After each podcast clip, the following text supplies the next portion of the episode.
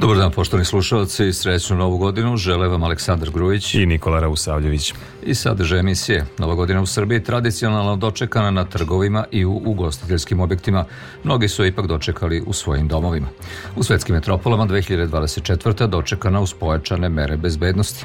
Srbija u ovoj godini predsedavna centralno-evropskim sporazumom o slobodnoj trgovini. Na Jarin jutro prošao prvi automobil bez stikera sa RKS oznakama. Japan pogodila tri snažna zemljotresa izdato upozorenje na tsunami. Čućete koji događaj su obeležili godinu u našoj zemlji, kao i to kakva je bila 2023. za poljoprivrednike i u kulturi. U godini do kraja dana oblačno, ali suvo. Sutra će biti sunčanih perioda, Uh, temperatura će biti do 13 stepeni, u Novom Sadu sada je nepunih 7. Građani Srbije dočekali su 2024. godinu na trgovima, u ugostiteljskim objektama i svojim domovima. Novu godinu u svetu su prvi dočekali stanovnici pacifičkih država Samoje i Kiribata, a posljednji stanovnici američke Samoje, Havaja i ostrova Hauland. Centralna novogodišnja proslava u Novom Sadu prvi put je organizovana u podgrađu Petrova Radinske tvrđave. Na tri scene mogli su se čuti različiti muzički žanrovi. Neuobičajeno toplo vreme i vrhunski izvođači izmamili su mnoge novosađane i goste na ulice grada. Praznična atmosfera vladala je i u drugim mestima Vojvodine. Davorka Jelena Draško. Novogodišnji doček u Novom Sadu počeo je trećim izdanjem Tesla svetlosne galerije. Kroz audio-vizualne umetničke instalacije stvoren je veličanstven ambijent, idealan za novogodišnje želje.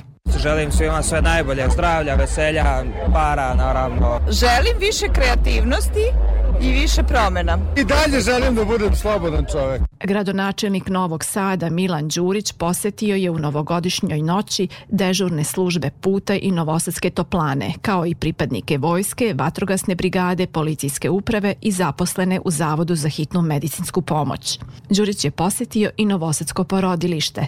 Dečak Milan prva je beba u 2024. godini u Novom Sadu. Rođen je u 2 časa i 27 minuta. 1. januara prva beba dobija 300.000 dinara, a svako naredno rođeno dete sa teritorije Novog Sada čije majka ima prebivalište na teritoriji Novog Sada dobije po 200.000 dinara. Kako kaže kolega Miroslav Karanović u Bačkoj Palanci, ispraćaj stare i doček nove godine počeo je proslavom za najmlađe, koji se najviše i raduju novoj godini. Glumci kulturnog centra izveli su predstavu Deda Mraz u začaranoj šumi, dok su mladi organizovali dnevne žurke uglavnom u kafićima. U večernjim satima doček je nastavljen u restoranima na daleko poznatim čardama, stalašima uz odličnu hranu, piće.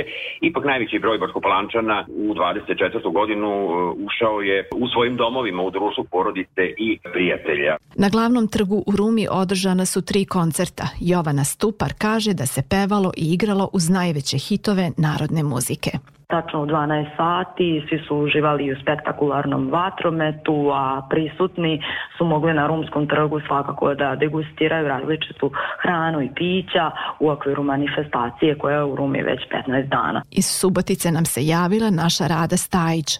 Subotičani su 2024. godinu na Trgu Slobode dočekali uz orkestar Bobana i Marka Markovića.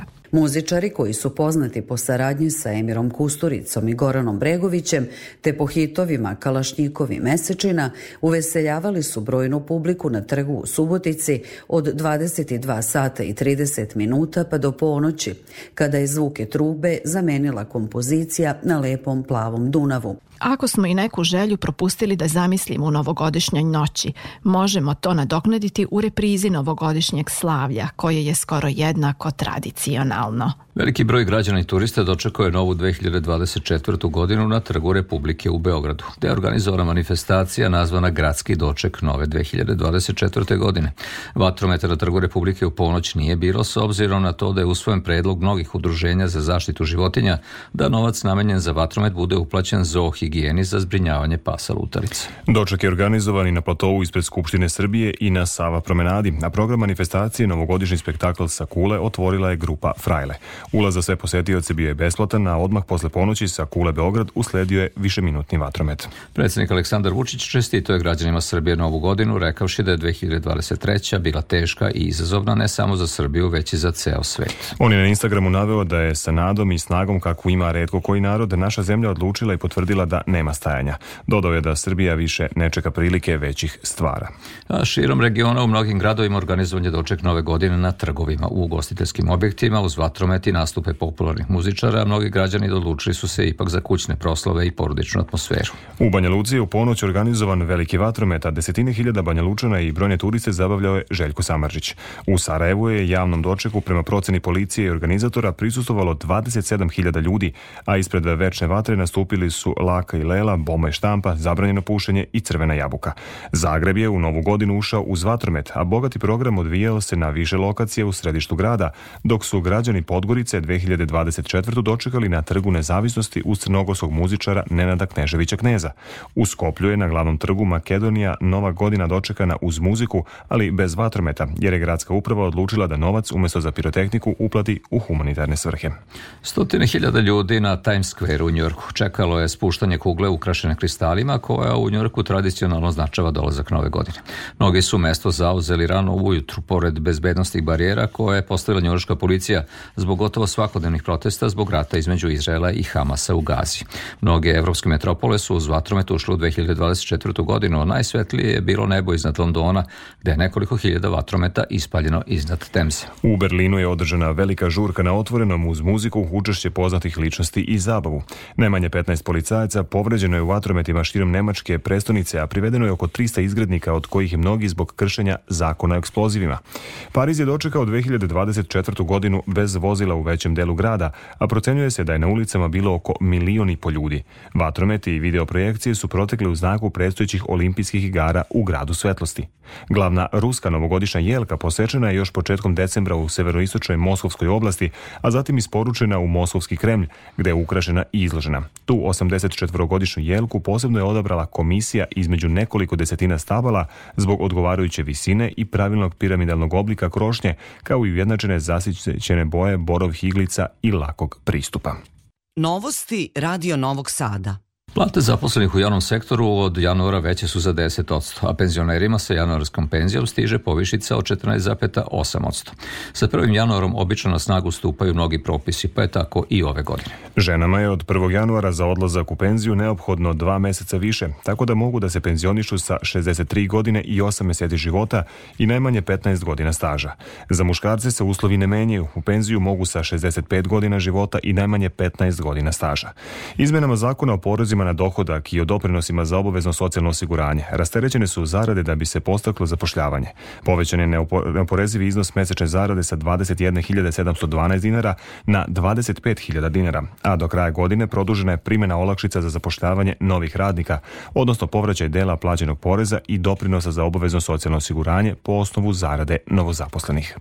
Srbija je preuzela jednogodišnje predsedavanje centralno-evropskim sporazumom o slobodnoj trgovini CEFTom, a ministar unutrašnje spoljne trgovine Tomislav Momirović izrazio očekivanje da će time biti prevaziđena blokada srpske robe na Kosovo i Metohiji koju sprovodi Priština zbog privremenih institucija u Prištini, oni jednostavno blokiraju rad te jako važne institucije. Mi dalje trpimo blokadu trgovine srpskim proizvodima na teritoriji Kosova i Metohije.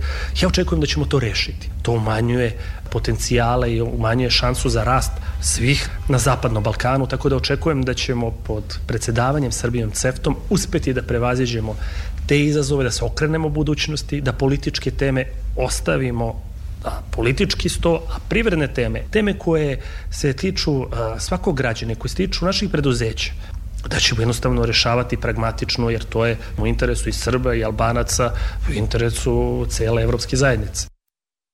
Na administrativnom prelazu Jarinje jutro se prošao prvi putnički automobil bez stikera sa RKS oznakama.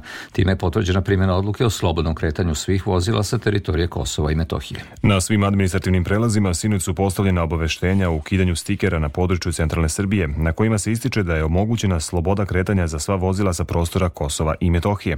U obaveštenju se navodi da je to, omogu, to omogućavanje učešća u saobraćaju svih vozila koja su registrovana od strane privremenih institucija samouprave u Prištini isključivo iz praktičnih razloga i ne može se tumačiti kao priznavanje jednostrano proglašene nezavisnosti Kosova, niti se time prejudicira određivanje konačnog statusa Kosova.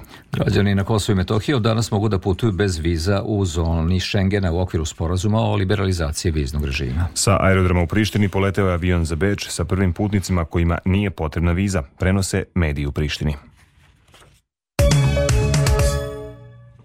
Godinu za nama zaovek ćemo pamtiti po dva zločina u osnovnoj školi Vladislav Ribnikar i u okolini Mladenovca kada je u samo dva dana ubijeno 18 ljudi, najviše dece.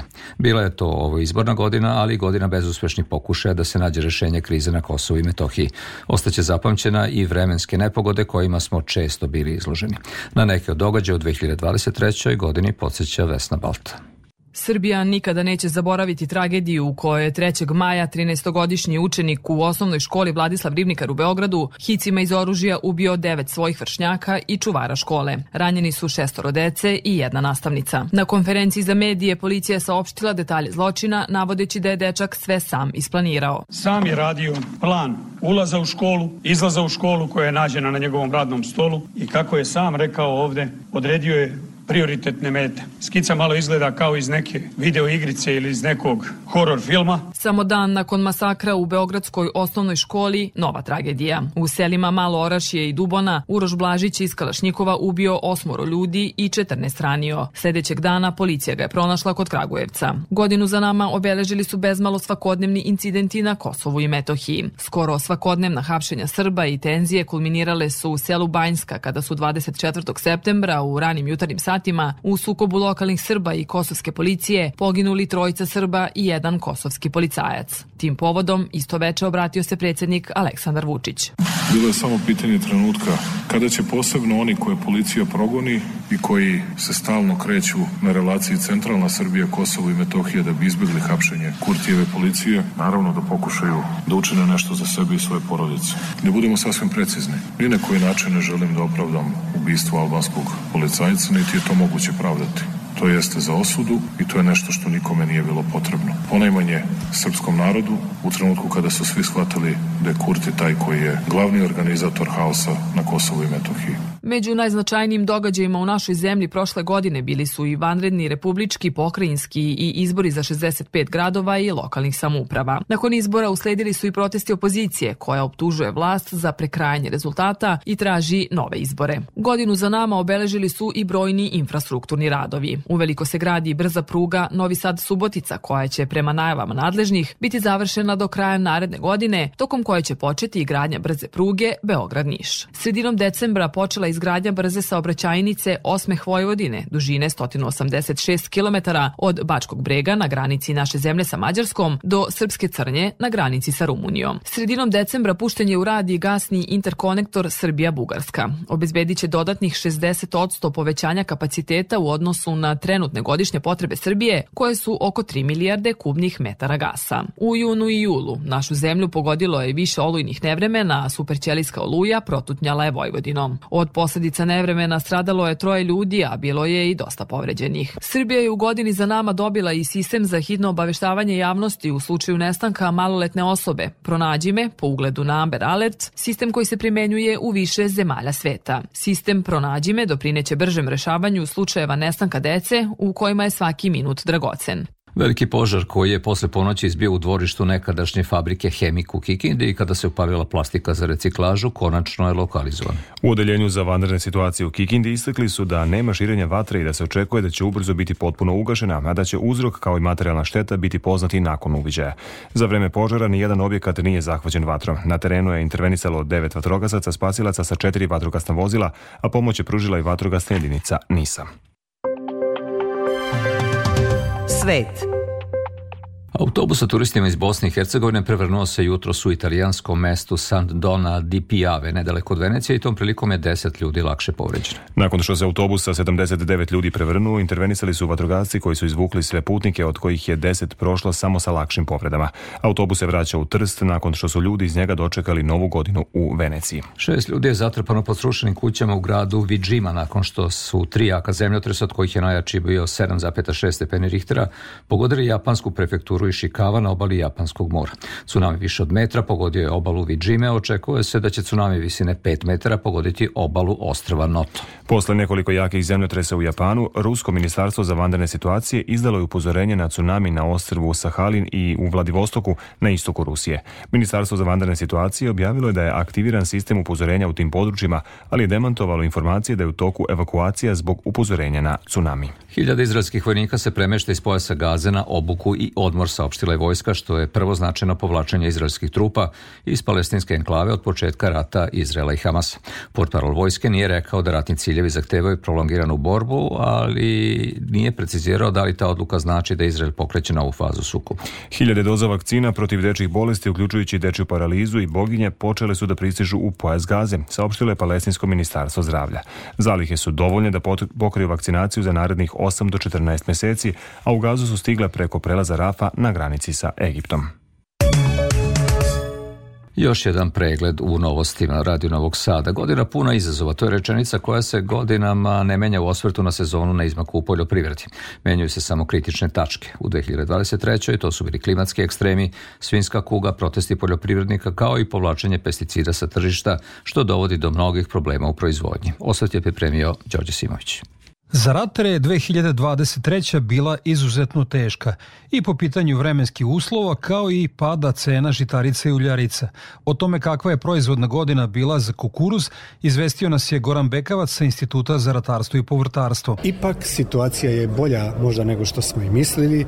Ostvarili smo prinos koji je viši nego što je višegodišnji prinos. Taj prinos će se na kraju otprilike negde svesti na neke 6, 6,5 tona, možda i 6,7 tona na nivou cele države, što je i više nego dovoljno za naše potrebe i naravno ostaće nešto i za izvoz. Predsednik Vojvođanskog društva povrtara Žarko Ilin kaže da proizvođači koji su uspeli da sačuvaju povrće od vremenskih ekstrema mogu da se nadaju pozitivnom saldu u 2023. Nažalost, skup repromaterijal je umanjio dobar deo njihove zarade. Profesionalni proizvođači tokom cele proizvodne 2023. godine su imali izuzetno veliki problema sa vrlo visokim cenama energenata, pre svega eurodizela, dizela, sada u ovom zimskim mesecima vrlo skupo gasa, a u nekoliko narednih dana poskupljuje značajno električna energija. Mraz, superćelijske oluje i problemi u izvozu zadali su mnogo problema voćarima, konstatuje predsjednik društva voćara Vojvodine Zoran Keserović. Svedoci smo da pored e, velikih problema sa niskim temperaturama su imali velike probleme sa padavinama, sa sušom i ono što je nanelo najveće štete, e, nismo pre imali takve orkanske vetrove. Vinogradarsko-vinarski sektor značajno je napredovao kod nas u poslednje dve decenije. Urednik časopisa Vino i Fino i prestižni vinski sudija Igor Luković kaže da smo podigli kvalitet vina, ali da ga nemamo dovoljno ni za naše potrebe, a kamoli za izvoz. Rešenje je podizanje novih površina pod vinovom lozom. 2023. godina je sa jedne strane bila godina usporavanja zato što je vinogradarski bila jako izazovna i teška i naprosto nema dovoljno, dovoljno vina, neće ga biti i nema dovoljno vina e, dobro kvaliteta. Kada je o svinjarstvu reč, profesor na Poljoprednom fakultetu u Novom Sadu Ivan Radović kaže da je cele godine za proizvođače otkupna cena svinja bila više nego dobra. Ja sam uvijek tog stava da primarni proizvođač, proizvođač svinja treba da zaradi, a da država treba da razmišlja da li ima dovoljno tovljenika za ishranu nacije. Što se tiče inputa u proizvodnji svinja, oni su bili mali tokom skoro čitave godine, output je visoki, Godinu 2023. su obeležili i protesti poljoprivrednika u dva navrata, kao i problem koji uzima sve veće razmere, a to je masovno povlačenje pesticida sa tržišta bez adekvatne zamene, što je pravi izazov za poljoprivrednike u nastojanju da postignu optimalne prinose. Kreativna umetnička energija i protekle godine nalazila načine da se ostvari sa ili bez budžetske podrške na svim nivoima. Savremeno stvaralaštvo skrajnuto je iz fokusa državne kulturne politike. U Čačku je počeo počeo projekata Nacionalna prestonica kulture na talasu dobrih iskustava Novog Sada kao evropske prestonice prošle godine. I u 2023. ostali smo bez istinskih velikana umetnosti. Stranice najvažnijih pojava izbivanja u kulturi lista Tatjana Novčić-Matijević. Napustili su nas David Albahari, Srđan Koljević, Jagoš Marković i Žarko Laušević. Svaki u svojoj umetnosti jedinstven, svaki putokaz za nove generacije stvaralaca. Previše gubitaka i za veće kulture nego što je naša. Paralelni tokovi, institucionalni, oficijalni i nezavisni, ove godine dobili su na još većoj udaljenosti, činjenicom da je budžet za kulturu u državi smanjen na 0,68%, te je savremeno stvaralaštvo u većini oblasti skrajnuto. Teatrolog Svetislav Jovanov kaže da je u našim pozorištima vidljiva zabrinjavajuća tendencija. Nije stvar samo u novcu, nego je stvar u nekoj vrsti nespremnosti da se rizikuje ili da se jednostavno da nekakva šansa i promocija domaćem dramskom tekstu. Paradoksalna situacija je u likovnom životu u Novom Sadu, upozorava likovni kritičar Sava Stepanov. Imamo neki likovni život, ali nemamo scenu. Galerijski sistem ne, više ne, ne funkcioniše tako da bi pravio scenu. I drugo, ima jedan problem, to je neka vrsta nezainteresovanosti za izlaganje. Najveći književni događaj, sajam knjiga u Beogradu, održan je u zebnji strahu da će nakon šest i po decenija menjati lokaciju. Zebnja je otklonjena činjenicom da će čuvena kupola biti dom za knjige do izložbe Expo 2027. Najavljeno rušenje sajamskog kompleksa izveo je na protest aktiviste za zaštitu kulturnog nasleđa. I kada je o sajmu knjiga reč, Prvi put najbolji izdavač nije izdavač, već Zavod za zaštitu spomenika kulture Beograda, ustanova poznata u javnosti po pogodovanju investitorima. Solidnu filmsku produkciju obeležila su ostvarenja sa nacionalnim temama. Izuzetak su čuvari formule, a nastavljena je hiperprodukcija televizijskih serija. Veliku priču o upotrebi veštačke inteligencije u umetnosti pokrenuo je višemesečni štrajk hollywoodskih scenarista i glumaca.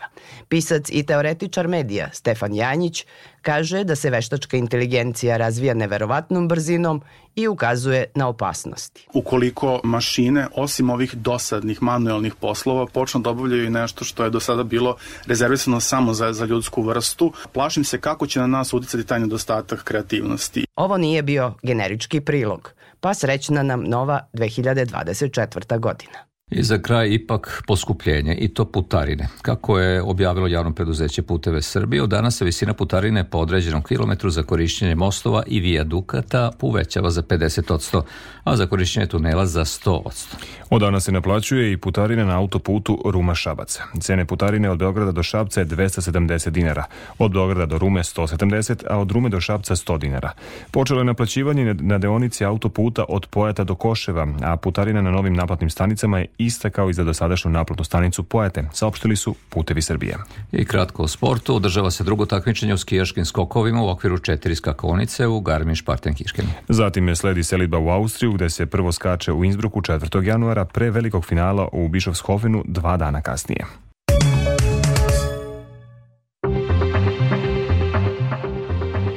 I pred kraj novosti još jedan najvažnije iz emisije. Nova godina u Srbiji tradicionalno dočekana na trgovima i u ugostiteljskim objektivima. Mnogi su je ipak dočekali u svojim domovima. U svetskim metropolama 2024. dočekana uz pojačane mere bezbednosti. Srbija u ovoj godini predsedava centralno-evropskim sporazumom o slobodnoj trgovini. Na Jarnju jutro sprošao prvi automobil bez stikera sa RKS oznakama. Japan pogodila tri snažna zemljotreza izdato upozorenje na tsunami. I u vremenu, premerenjem u 15 časova, temperatura u Novom Sadu je 7 stepeni, vlažnost vazduha 100 od 100, pritisak 1005 milibara, vetar jugozapadni do 3 metra u sekundi. U Vojvodini do kraja dana oblačno, ali suvo. Da li će tako vreme da bude i sutra? U Vojvodini utorak umeren oblačno sa sunčanim intervalima. Vetar slab do umeren južni i jugoistočni. Najniža temperatura od 0 do 3, a najviše dnevno od 11 do 13 stepeni. U Vojvodini se do nedelje zadržava nadprosečno toplo vreme. Umereno do potpuno oblačno sa čestom pojavom kiše. U petak i subotu u košarskom području vetrovito sa jakim i olujnim jugoistočnim vetrom. U nedelju na oblačenje i zahlađenje sa kišom i pojačanim severozapadnim vetrom. Za Radio Novi Sad, meteorolog Mijedrag Stojanović. Slušali ste novosti prvog programa radija javne medijske ustanove Vojvodine. Sve informacije pronađite na našoj internet stranici na adresi rtv.rs gde novosti možete da čujete i odloženo. Pratite nas i na društvenim mrežama. Tonska realizacija Dejan Jocić, Aleksandar Grujić i Nikola Rausavljević žele vam prijatan ostatak dana. Ostanite uz Radio Novi Sad, a nakon vesti u 16 časova emisija o mogućnostima za poboljšanje položaja žena, žena u kutiji, autorke Tamare Srijemac.